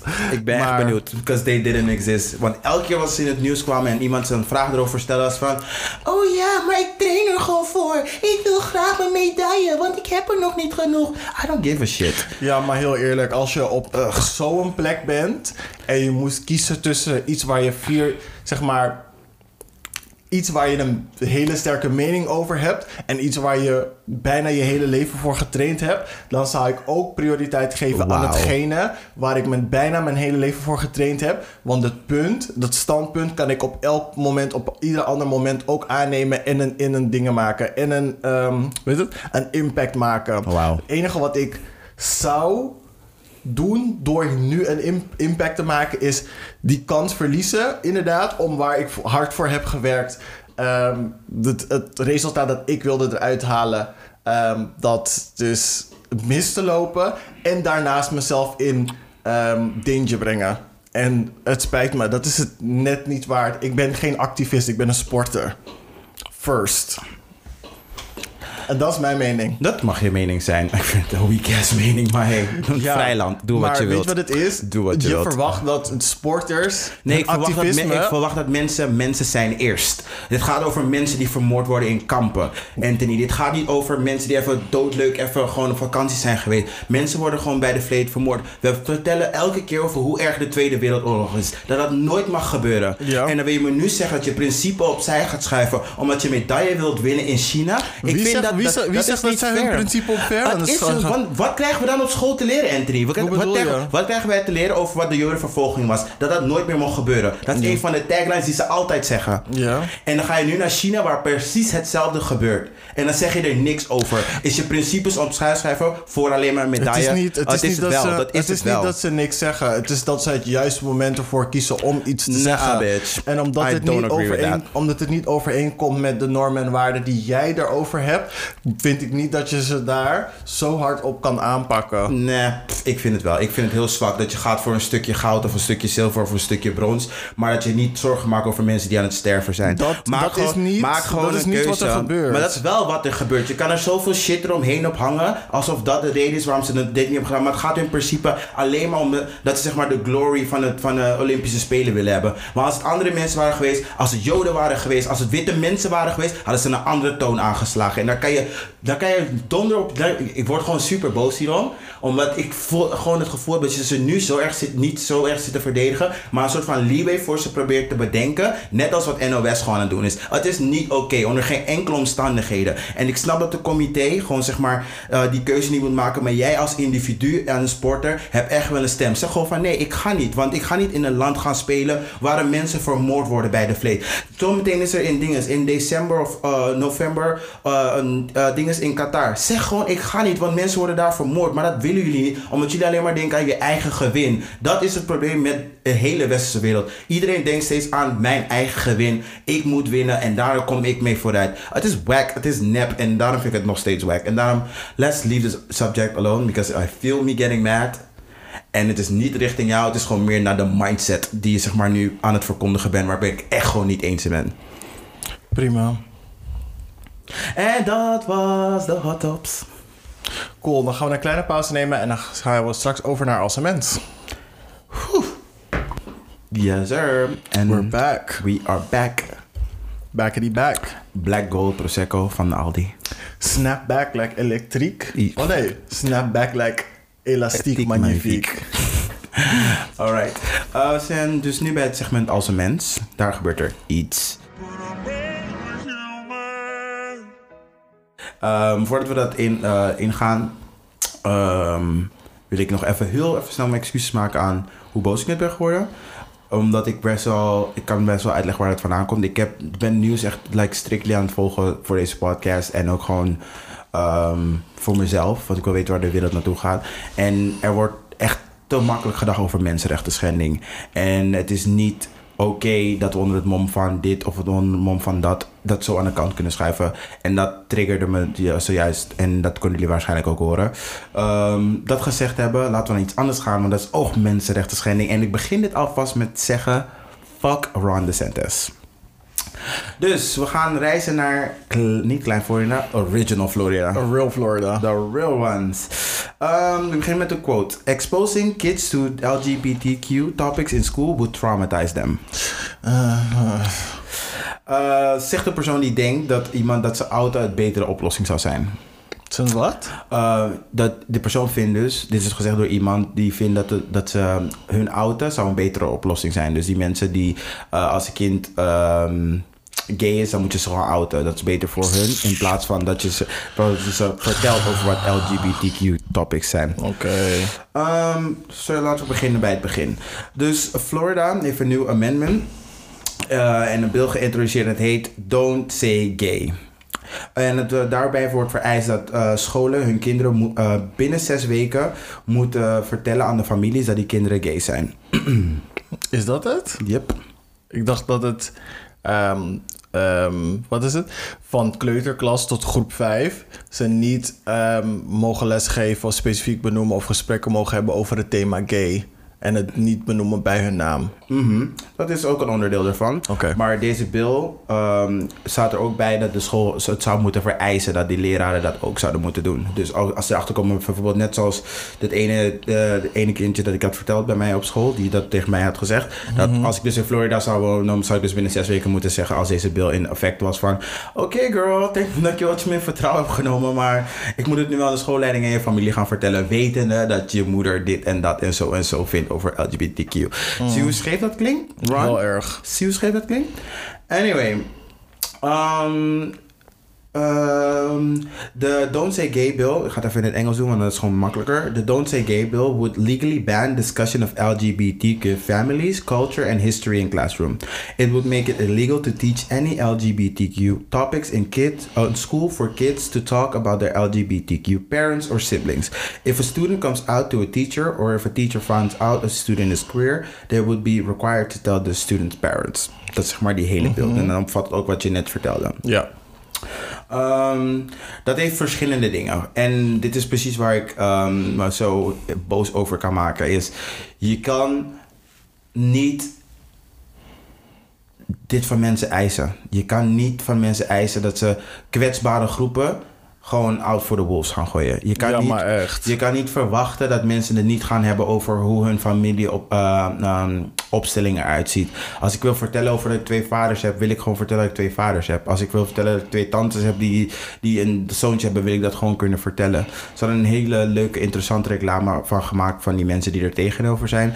Over een meisje die een spreekbeurt moest geven over een glas en ze was wel super onzeker over het onderwerp. En toen zei ze van ja, ehm, ik wil vertellen over mijn twee moeders, bla bla bla. En toen ging er een soort van alarm af in de, kla- klas. Het is Amerika, ze moeten altijd zeg maar zo Ja, dramatiseren. inderdaad. En toen zei die juffrouw, luckily a black woman, ze zei van ja, het is wel iets om trots op te zijn. En toen moest die vrouw zich melden bij dinges, bij de conrector. En het is, eh, is niet zo ver van de, van de realiteit. Want je kan ook, want als je gaat kijken naar hoeveel geweld er plaats heeft gevonden, als je bijvoorbeeld denkt aan de Pulse Nightclub in Miami, ehm, in Florida, sorry, ik wist niet wat in Miami was, maar in Florida, dat die mensen waren, eh, well, I'm choking up. Ehm, dat die mensen specifiek waar, eh, waren, het doelwit waren van een hate crime. Juist omdat ze een, eh, een, ehm, een gay establishment waren. Is het juist heel telling en niet passend in de lijn van de dingen die er gebeuren en wat voor beeld je daar naar buiten brengt. Ehm, daarnaast zou je ook. Oh, wat is dat?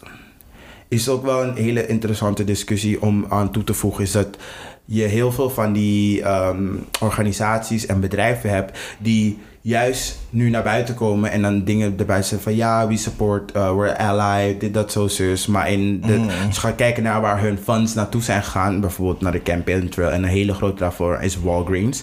Want Walgreens heeft onlangs een, ehm, van hun ehm, logo hebben ze een eh, regenboogstreepje van gemaakt. Ehm, maar zij zijn wel een van, ze hebben in totaal wel 28.000 aan eh, Florida gedoneerd. eh, en dan specifiek aan de campagne van dingen, van Ron DeSantis. En dan denk ik bij mezelf van, like, what the fuck?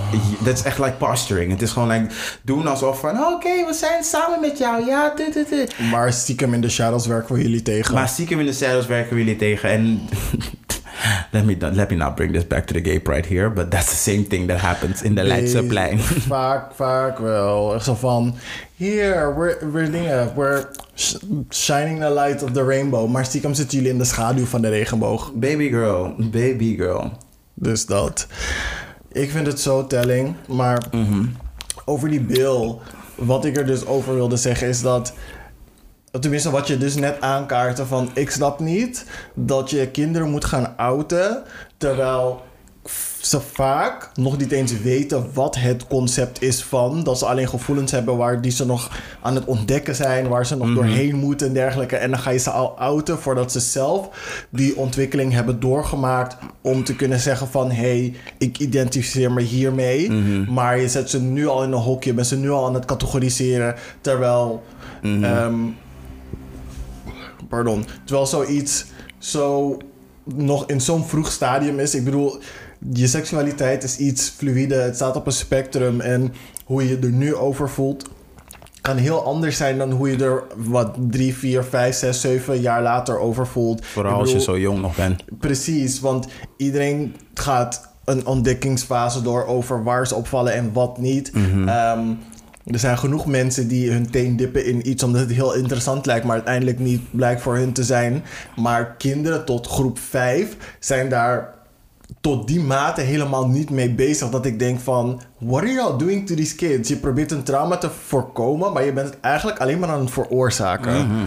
En daaraan toe te voegen kan je wel, eh, zeg maar...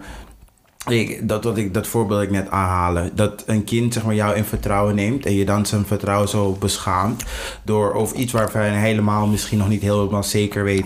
Maar je dacht van, oh, dit is mijn leraar, met jou kan ik wel viben. Wat heel veel leerlingen niet hebben. Hè? true. Want geloof me, ik, eh, je geeft les op een school. Er zijn leraar, leerlingen die echt gewoon like, volle 100% vertrouwen. Maar er zijn sommigen die het echt nog wel moeilijk vinden om je te vertrouwen. En dan vooral zo'n kwetsbare leerling die dan net in die groep valt. Die neemt je dan in vertrouwen. Die vertelt dan zoiets tegen je. En dan ben gewoon bij wet gewoon verplicht om dat gewoon, zeg maar, ze de kast uit te duwen. That's not okay, man. That's not okay. The kids are not gonna be alright. The kids are not gonna be alright. En, eh, no man, ik, ik, ik, dit doet me echt like superveel. Want ik denk ook bij mezelf van, als ik zelf een kind was geweest... Ik ben ook zelf You've een kind. been a child. Uh, Als ik een kind in, die, in deze tijd was geweest en ik had die stappen genomen om zeg maar uit de kast te komen eh, richting een leraar. En die had dat... Ik had sowieso ruïne in je koude klas gezet, want baby girl, I'm that girl. ik kom echt naar mijn naar school met een koude stinkbom en ik gooi het in je face. Ah, Ehm, dus ja, dat is gewoon super telling. Eh, en dat moeten we gewoon beter doen. En dat is waarom ik me zo hard maak voor kwesties waarbij ik van denk van, weet je, niet omdat het niet in lijn staat met waar jij nu op de, of het geen prioriteit voor je heeft, moet ik, kan, kan ik beter zeggen. Is het zeg maar zoiets dat je gewoon aan de zijkant kan schuiven? Want voor de leraar kan misschien de overweging zijn van ja, ik heb wel misschien, ik heb een promotie die eraan zit te komen, ik kan niet al deze kinderen. Je zet ze in een hele moeilijke situatie om te kiezen Ja. tussen zichzelf en tussen de kinderen die ze moeten beschermen. I don't Maar think echt. that's fair. I don't think that's fair. Totaal niet. Um, Want ik heb zoiets van als kind die zo, zeg maar ehm, al verschillende gedachten heeft over of hij nou wel of niet in de LGBTQ gem- eh, community hoort, daar gevoelens over heeft die buiten het conventionele gaat. Er is al een gigantische stap ehm, die je moet nemen om iemand in vertrouwen te nemen, vooral een volwassene. En dan als je dat vertrouwen dan schaadt, dan gaat er een soort van trauma zijn die je door de rest van je leven meegaat van hoe can I trust als het gaat om dit soort dingen? Wie kan ik dit soort dingen wel vertellen? Ja. Gaat het eenzelfde uitwerking hebben als? Gaat het me negatief beïnvloeden als? Mhm. Ehm, ik heb ervaring dat als ik dit vertel, dat gebeurt. En, Mhm. En je leven lang bij je. zet je niet alleen maar druk op het kind, zeg maar het druk van het kind op het kind, maar het druk van ehm, de volwassene leg je ook op dat kind. Want het kind gaat zien wat voor effect het heeft op de volwassene nadat, nadat het ze heeft verteld. Ja, ik, dan, daarnaast denk ik ook dat de druk die je dan uitvoert op het kind, dat andere kinderen die zich zeg maar ook identificeren als, zeg maar, als gay of zoiets, of waar, waar in welk, ehm, welke categorie je ook valt, ook denken van, oh, baby girl, ik zie dat dit met jou is gebeurd. Not me, ga niet vertellen hoor. Ja. Waardoor je dingen gaat ontkennen, waardoor je zeg maar dingen gaat internaliseren. En dan, geloof me, hele Geloof mij, wanneer jij, dit is helemaal slecht voor je ontwikkeling, wanneer jij jezelf niet kan zijn en je merkt dat dingen om je heen worden gezegd over iets dat jou aangaat, ga je dat internaliseren en dan ga je het alleen maar op toxic manieren eruit brengen. Of opkroppen en dan explodeert het op een tox- eh, toxic manier. Yes, en op een gegeven moment ben je zeg maar zo'n uh, mask for mask guy die alleen maar... Gasten, not again with the mask for mask. Leave Yes. the mask for mask alone. Nee baby, zo begint Leave het. the mask for mask alone. zo begint het. Zo begint Maar- het. Niet jezelf kunnen zijn, maar mensen je anders vinden. Dus ga je een soort van ehm, eh, een front opzetten van een soort van front opzetten van dit is wat een man moet zijn. En baby girl, ik ken nu genoeg mannen in deze bijna 30 jaar dat ik hier al rondloop. Echt genoeg mannen die echt gewoon issues hebben met gewoon wat zij feminine vinden. Ik zag bijvoorbeeld, dit is totally off topic. Ik zag een guy die een video had gemaakt over van. ehm, was het, hij deed, het was natuurlijk gewoon een grappige video. Hij deed zo van ja, als ik Megan Thee Stallion op hoor komen omdat ik een masculine gay guy ben, kan ik niet gewoon twerken. Dacht ik bij mezelf van bitch.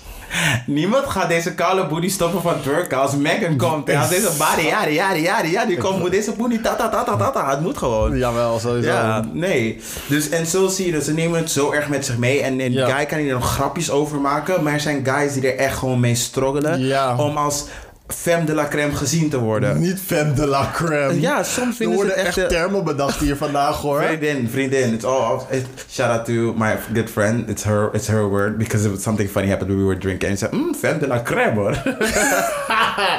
Shout out to your girl. shout out to my girl.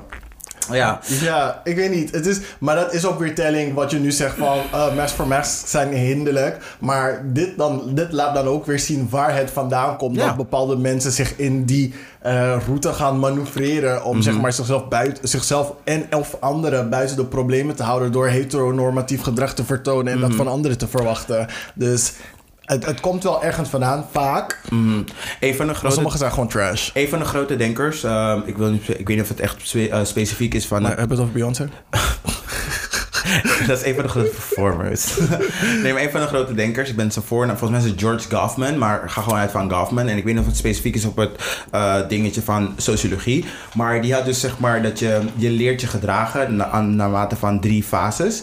En die drie fases zijn van hoe jouw omgeving reageert op jou. Yup. En Herkenbaar.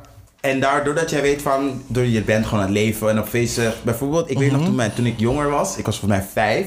En toen zei mijn zus tegen me van, oh je bent echt een flikker. En ik had nog geen idee wat een flikker was. Dus ik dacht bij mezelf van, een flikker? Ik dacht van, wat is een flikker? Ik dacht van, ik dacht het was like something like leuk. Gewoon van, oh my god, it's my birthday, I'm a flikker. Da, da, da. Boep, boep. Zoiets dacht ik. Eh, later, toen ik ouder werd, dacht ik van, oké. En ik heb het later ook aan haar verteld. Wist je dat je dat tegen me zei? Toen zei ze van, wow, heb ik dat echt tegen je gezegd? En ze de excuses ook aangeboden, want ze bedoelde het helemaal niet zo. Mhm. Maar zij heeft ook gewoon geleerd van haar omgeving om zo te reageren op mensen die zeg maar zo doen. En girl, ik was een flikkertje toen ik klein was. Want ik, Ik was stuk. ik had mijn woordjes klaar. Zoals ik al zei, ik, heb, ik ben altijd iemand gewoon mondig geweest. Mhm. Deze nek was altijd op de, de, de, de set en klak, klak, klak, klak, klak. Altijd zo geweest. Dus je kon bij mij echt al op een vroege leeftijd zien van... Oké, dit is een beetje femme de la crème. Stuk. Die femme de la crème zit er wel in hoor. het, is wel, het is echt cute, toch? Ja, ik vind dat cute. Um, shout out to you, girl.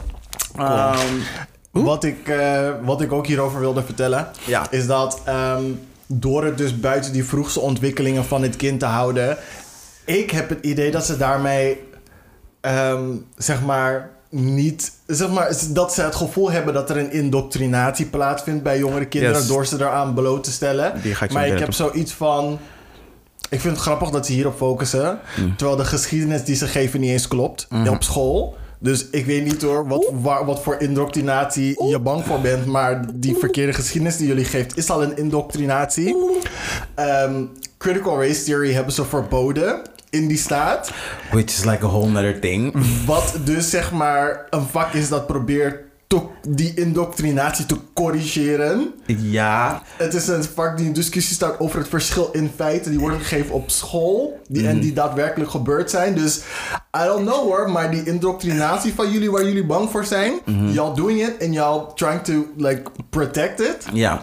En daarnaast nog, sorry om het even af te maken, nog, nog twee punten. Maar is goed.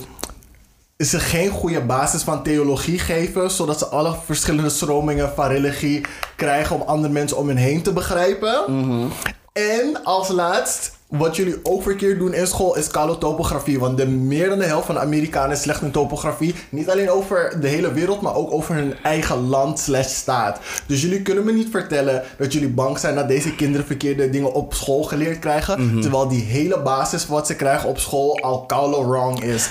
En I rest my case. Yes, daar heb ik twee dingen op aan te sluiten. Please say more. eerst, is over, eerst is over die critical race theory. Even dat je het weet, hè.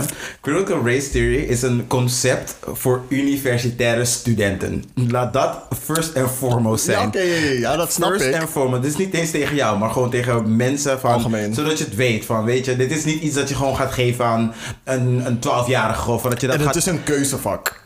Het is, een, het, is een, het is een bepaald soort lens hoe je gaat kijken naar wetgeving. Is wetgeving, kan zeg maar zoveel neutrale taal bevatten. Maar als de wetgeving gewoon specifiek is opgebouwd op een bepaalde groep gericht is zonder dat te benoemen.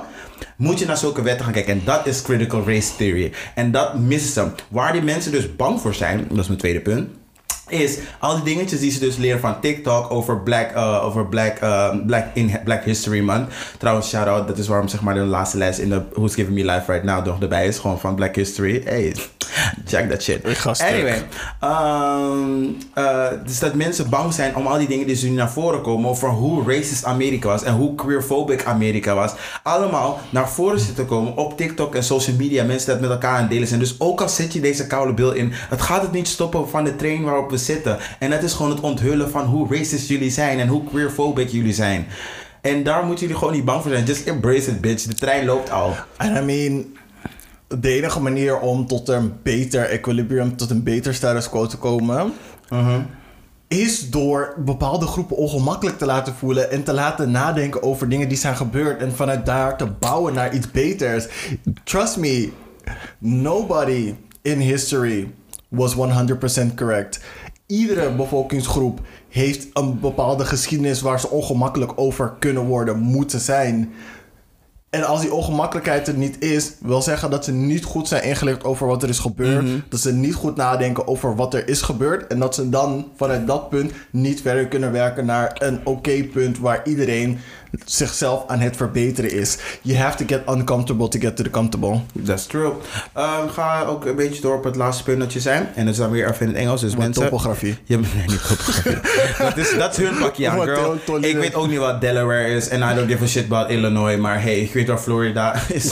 en ik weet waar New York is. En ik weet waar Los Angeles is. Los Angeles. No, maar goed. You indoctrinate children into heterosexuality from day one. And nobody bats an eye. The media they consume, the clothes they wear, the toys they're given all, all reinforce heterosexual lifestyle. You've mm. prescribed them. You're not afraid of them discussing sexuality. You're afraid of them not being straight. I mean, the only people pushing gender ideology onto children are straight cisgender parents who have put their commitment to upholding the gender binary above their responsibility to love their children authentically. Bitch, stop met rappen. Stop met rappen. I love it. I fucking love it. Say less. Ah, Say ik had deze guy. less. Ik had deze guy al in. eh, volgens mij hadden we echt like, aan het begin van onze podcast hadden we deze guy in onze Who's Giving Me Life Right Now gezet. Dat is Max XIV. Dit is een een of andere Romeins letter. Volgens mij is dit 14. Max XIV 14. is 14. Ja, Max 14. Ehm, dit is van, maar van zijn dinges die hij erbij had geschreven. Eh, een interessante tweet is van, uh, dit is van een dokter. If the don't say gay bill passes and I was a teacher in Florida and a kid came on to me, arrest me now because in no way in hell I'm outing a vulnerable kid. Maar Baby echt. girl, mij ook. Sorry, ik ga het gewoon niet doen. Mij ga je het ook echt niet doen. En dat, Sorry. En dat geldt ook als ik een koude atleet was in China. Throw me in the koude jail, because that's where I'll be. Ehm, en dit is zeg maar de topic waar ik het een beetje over wil hebben. En we kunnen er nog een beetje vrijer over praten. Maar dat zijn dus de dingetjes die er uh, allemaal aan vastzitten. En it really bothers me. Het stoort me gewoon echt dat we... ehm, en weet je, ik weet dat dit geen makkelijke strijd zal zijn. Um, gewoon ve- vechten voor de volgende generaties achter me. Maar iemand moet het doen. Iemand moet topics aanhalen. En iemand moet ook gewoon voorstaan van dat sommige dingen niet oké zijn. Je kan niet een wet indienen. En zeggen, this is the land, uh, this, this is the land of the free. How free are we? En daar kan je dat ook doortrekken in het, grote, in het grotere geheel van, eh, van, van de westelijke wereld. Uh, we zeggen dat uh, in onze grondwet staat dat je mensen niet mag discrimineren op basis van dit, dat, zo en zo en zo. Eén Mhm. ding dat we zeg maar nog steeds in ons, uh, dat nog steeds legaal is in ons land, waar ze nu wel stappen mee aan het maken zijn, maar ik ga jullie die grace niet geven totdat jullie het hebben opgelost, is homogenezing. Het kan gewoon niet dat dit nog steeds oké is in ons land.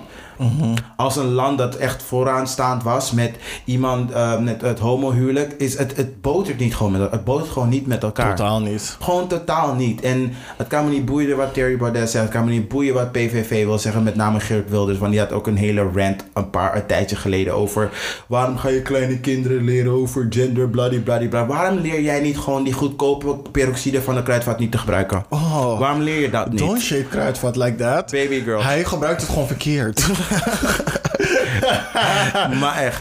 Shout-out naar je broer. We hebben hem al geshout-out, maar shout-out naar je broer. Want hij had het correct. Want je hele familie is like, oh, ik ben correct. Dus baby girl, check yourself before you wreck yourself. I say this all to say, let op je kleine kinderen. Hou van je kinderen zoals ze zijn. Ehm, en let ook op degene die voor je kinderen zorgen... het moment dat, zeg maar, dat jij er niet bent. Zeg maar, de mensen bij wie je kinderen laat... dat, zij een, dat de mensen die een verantwoordelijkheid nemen om je kinderen op te voeden voor het gedeelte dat jij dat niet voor je dingen voor je rekening neemt. Zorg ook voor hun. Vergeet je leraren niet. Vergeet niet dat zij de andere ouders zijn van je kinderen wanneer je ze dropt op school. Yup. Ja man, het is Die belangrijk. ervoor kiezen de verantwoordelijkheid van jouw kind te dragen en hun kennis bij te brengen. Baby het is een keuze. Het is een keuze, hè? And I know I'm getting paid for it, but still, what the fuck is happening? Dus dat, Sommige dingen zijn gewoon niet oké. de, de, de dingen die hun nu allemaal voorgedrukt worden, waar ze zich allemaal aan moeten houden, Mhm. de verschillende drama's en dingen die zij doormaken, alleen maar om jouw kind les te geven, bij keuze voor die loon. Mhm. Child. Child. I mean, if you could tip your, als je ze kon tippen. Ik heb een... Please do. Ik heb Als een- ik een leraar was, zou ik precies daar een piggybank laten van. tip je leraar. Tip je leraar, girl. Dus dat. Ik heb nog, eh, denk ik, één anekdote om mee af te sluiten. Ik had dus een... ehm, ik heb nog één anekdote om mee af te sluiten. Ik had dus ehm, voor de vakantie hadden we een, een dramalesje. En toen had ik het over, over een jongen in mijn klas die er bijna nooit was. En ik, ehm, ik ga zijn naam niet zeggen, maar ik ga wel zijn afkomst zeggen. Hij is van Noord-Afrikaanse afkomst. En we hebben een keertje echt een aanvaring gehad. Echt aan het begin van toen ik daar begon. En het kwam er een beetje eruit hoe hij zeg maar, tegen me sprak. Was van, I don't respect you, want je bent gay. Zo, dat was die vibe die hij me gaf. Maar ik ga er niet te veel over zeggen. Want ik denk bij mezelf, this is not my place. En zolang jij niks maar, zegt dat ik je kan jenken bij je koude nek, ga ik ook niks zeggen. Dus we hebben zeg maar een aanvaring gehad. Dus ik zei van ja, ik kan dan eruit mijn les blijven. Want ik ga blijven wie ik ben. Punt. En had ik had een gesprek met een dramadocent die dus aan eind, die vorige week dus kwam. En die gaf dus toen aan mij te kennen van ja, eh, oh ja, nee, ik zie wel, ik weet, zie wel wat voor typetje het is. Ik heb eh, school gegeven op um, Kanaleneiland. Als je Kanaleneiland niet kent, dat is in Utrecht. Het is de Belmer van de Utrecht. Het is de Belmer van Utrecht, maar dan jaar 6000 keer erger. Ehm, en die zei zo van ja, maar ik ken dit soort jongens. En ik wil, ze zegt ook tegen me van ja, ik wil ze niet over één kam scheren. Maar wat zijn um, visie is, 9 van de 10 keer over dit geval, is dat ze zo vinden dat de gay agenda wordt gepusht en het allemaal propaganda is. En dit, dat zo is bla bla bla bla. En toen dacht ik bij mezelf van, Deze jongen is niet eens 15. je bent niet, een- inderdaad, je bent niet eens 15 en je weet al wat propaganda is. En ik weet zeker dat je niet weet wat propaganda is, want je kan niet eens normaal een zin- zinstructuur bouwen zonder embarrassing eruit te zien. Ehm, en toen dacht ik bij mezelf van, maar dit krijgen ze niet gewoon like van any other person. Waar wordt dit aan hun geleerd? Wie heeft het aan jou verteld? En denk jij dat gay mensen nooit hebben bestaan? Of denk je dat de zichtbaarheid, dat gay mensen nu zeg maar van mogen genieten, dat dit wordt- eer wordt gepusht om gay te worden? Girl, zo werkt het niet. Dus ik ben benieuwd of deze guy ooit weer terug in mijn les komt, want ik heb hem sindsdien nog niet meer gezien. Hallo. Ehm, ik heb hem sindsdien ook niet meer gezien. Maar ik heb hem wel op de gang gezien en ik heb hem andere kinderen lastig zien vallen. En ik vind het zo grappig eh, om te zien dat je geen tijd hebt om les te volgen. Je mening soort van altijd klaar hebt. En ervoor kiest om niet meer in de les te zijn. Of het nou is omdat ik gay ben of niet. Eh, of dat je mij gewoon een kutpersoon vindt omdat ik je op je shit aanspreek of niet. Boeit me eigenlijk allemaal helemaal niet. Maar dat je wel nog steeds andere mensen gaat lastigvallen, maar die wel gewoon vrij denken. Want ik moest ook wel horen van andere leerling, ja, ehm, hij heeft me hierop aangesproken, dat dit en dit en dit. Denk van, laat die kill gewoon zijn best doen. Er is een jongen in diezelfde klas die fucking goed is in drama, dans en alles. Ja. Hij, spreekt, hij spreekt hem daarop aan van, ja, je gaat toch niet nep dit doen en zo, dit, dit. Dan denk ik van, ugh. Soms wou ik echt, in dat soort momenten, dat ik gewoon even weer fucking 13 kan worden. Gewoon de Gerinja van 13 die ik En toen was. en hem gewoon echt bossen en gewoon like swatten in zijn face. Want tegen mij kon je echt dat soort dingen niet zeggen. Gewoon echt niet vroeger. Zodra ik me bedreigd voelde of ik dacht van je bent me aan het disrespecten, girl, let's fight. Ik wil geen uitleggen, let's just fucking fight. En daarom gaan we kinderen altijd blijven beschermen. Vooral tegen fucking homofobe 13-jarigen die denken dat ze fucking alles weten. Fuck jou en fuck your parents that raised jou. En dat was mijn anekdote. Ik ga stuk. een anekdote, nog wel een anekdote. Oké. Nee, het was wel een anekdote, sorry. I'm lying. Cool. Ehm, dan zijn we daarmee aan het einde gekomen van Als een Mens. Het segment waar iets gebeurt. En er is zeker iets Er gebeurd. is zeker iets gebeurd. Wil je een kleine pauze nemen? ja! Oké, dan komen we zo bij jullie terug. Tabé. Fuck Ron DeSantis. Oké, we komen terug van pauze, omdat ze gaan nu gauw weer van pauze met pauze. Oké, doei. Cool, dan zijn we nu aangekomen bij het spelelement van de show. Aha. En we spelen weer Kiek of niet. We maken het eigenlijk gewoon af van vorige week. Want ik weet dat sommige van de girls nog niet op hun Valentijnsdate zijn geweest. Waaronder ik. Ehm, dus, dus nog wat ideeën voor jullie om... To get your Valentine on. Oké, cool. Ehm, spendeer jullie Valentijnsnacht in een romantisch hotelletje of juist een hele dure. Gewoon omdat het kan. En vergeet dan niet om roomservice te bestellen. Kiek. Ik vind het wel een kiek. Ik vind het wel een kiek. Zo'n soort van cute boutique hotelletje. Dus een, beetje, een beetje bougie zijn is ook wel fijn op zijn tijd. Of als het een bepaald thema heeft. Weet, misschien had je, had je guy van Locomotives, je partner of zo. Dan ga je naar een treinhotel. I Yes. mean, it's not for me. Show Maar what the magnifique elastiek can do. yes, de elastiek magnifique. Sprinkled with some femme de la crème. Yes, is kiek. Yes. Doe eens ouderwets en laat je partner je lover vragen om jouw Valentijn te zijn met een briefje ja of nee. Wat? Dat is echt niet een kiek. Dat is echt niet een kiek. Klinkt heel kinderachtig. Ja, maar echt van ja, nee, misschien oké. Kan je een briefje daarna terug aan me geven voor wat? Wait, het ligt aan hoe je het... Nee, het is geen kiek. Nee, het is echt geen kiek. Ik wil het echt mooier maken dan het is. Nee. Nee, als je bijvoorbeeld in public bent of zo, en zeg maar gewoon dingen, en dan laat je misschien de bartender of zo met een drankje, zeg maar, zo bezorgen van die guy bij de bar heeft je dit gestuurd. Nee, nog steeds niet. Oké, nee, geen kiek. nee, dank je. I got a man, thank you. I don't need your help. Oké. Bak samen een taart. Een simpele, maar leuke Valentijnsdag. Oh, jawel, ik vind het wel kiek. Nee, sorry. Ik vind bakken wel leuk. Ik ga niet samen met jou een taart bakken. Ik vind het wel leuk. Nee, dat is that's not it for me. Jawel, I'm homely like that. Nee. Even kijken. Kijk jullie favoriete film en maak jullie favoriete avondeten klaar. Nee, dat is een regular Sunday evening. a regular date night. Nee, niet voor Valentijn.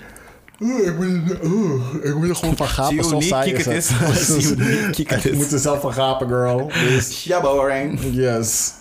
Haal je partner 's middags op van werk en neem, hem, neem je partner mee naar een luxe. Nee, wat? Neem hem of haar of whatever in between heel luxe mee uit eten. Uh, I guess. Een, een Is luxe, is lunch. Is het niet de kiek? niet de kiek. Het is, het I'm in the middle. het is een halve kiek. Een halve kiek. Kiek interrupted. Kiek interrupted.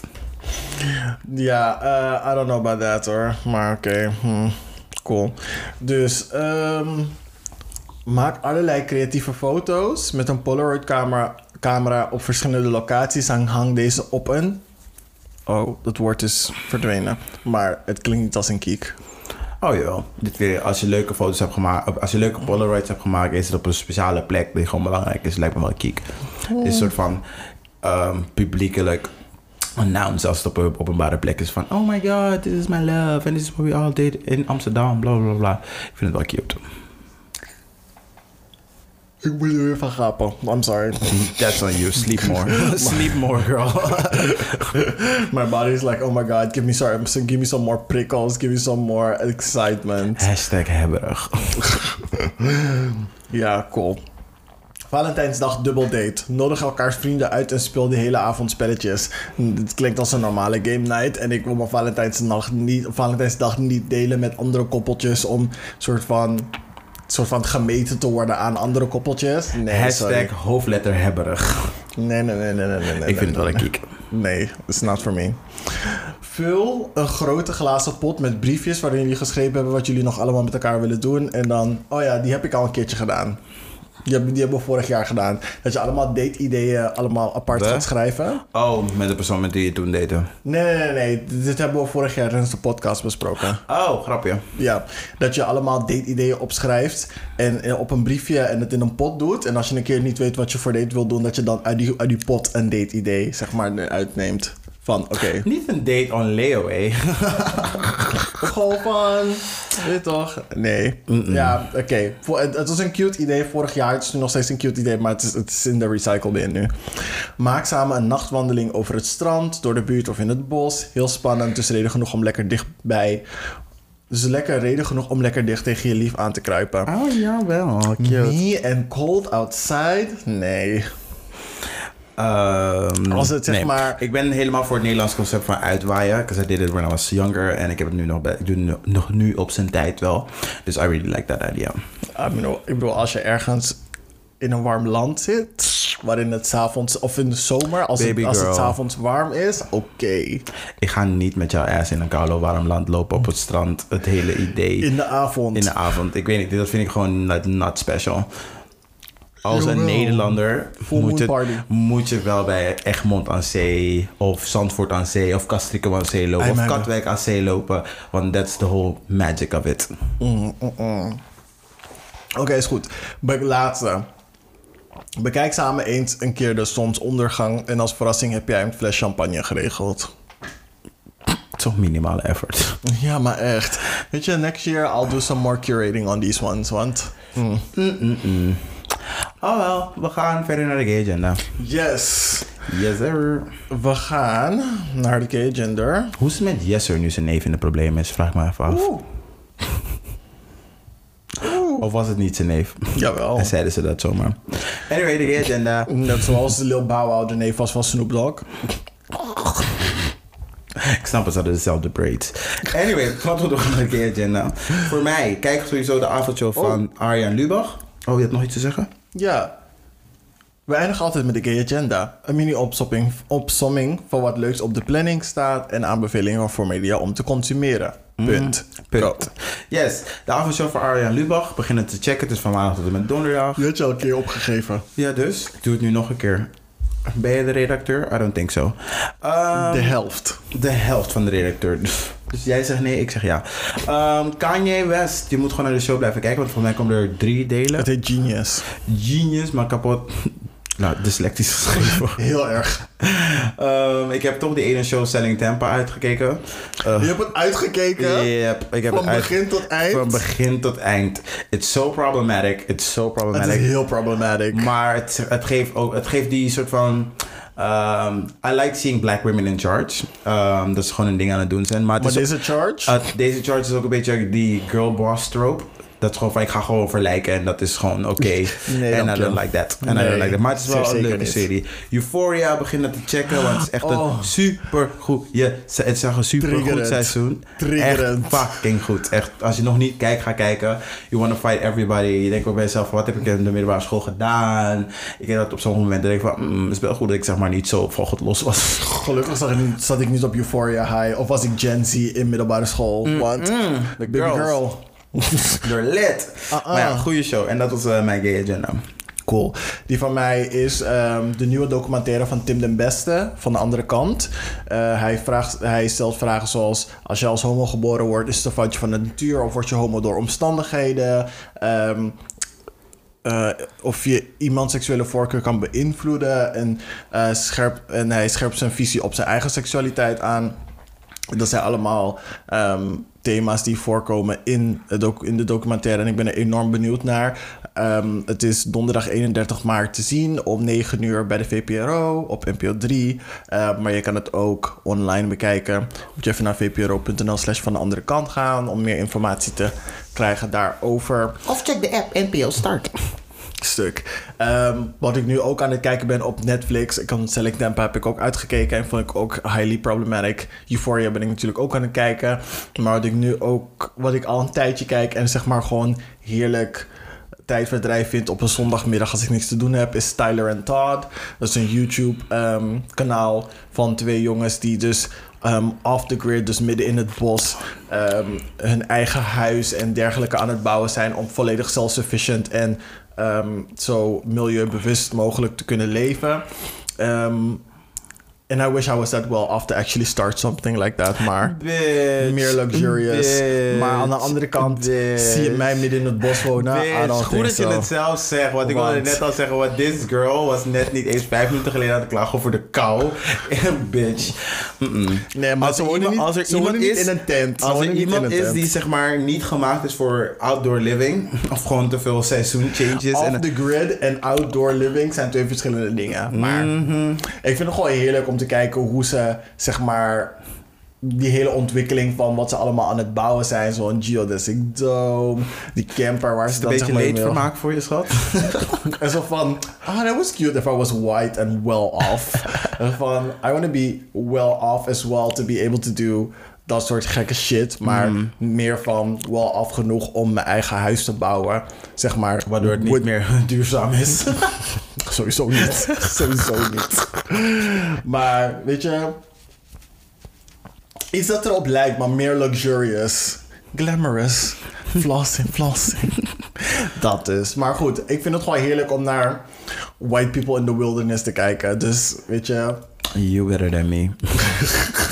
Dat is wat ik zou denken van, weet je, de wilderness. Ik weet nog, white gays in the wilderness. Is een soort van National Geographic. Like baby girl. Zometeen komt ook oude gekke, weet ik veel, heel Billy of zo. Want die zitten in Canada, in een bos in Nova Scotia ergens. Baby girl. Ik zag laatst een video dat er een soort van nieuwe hybrid is tussen een polar bear en een grizzly. Een pizzly. Baby girl. Komt hij gewoon bij je tent zo chillen.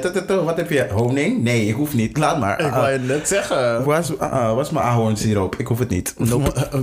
Maple syrup, tomaten, don't think so. paprika's. Nope. I might live here now, denkt de beer. Denk dat ja. Nee, dank je. Paddington, no, leave. Maar echt. Dus dat, nou. We zijn aan het einde gekomen van de aflevering. Aha. Thanks voor het einde te hebben behaald. As you should. Motherfucking shit, bitch. Motherfucking should. En dan zien we jullie weer volgende week. Yes. Cool. Bye. Tata. Cheerio. Chop chop. All that British stuff en zo.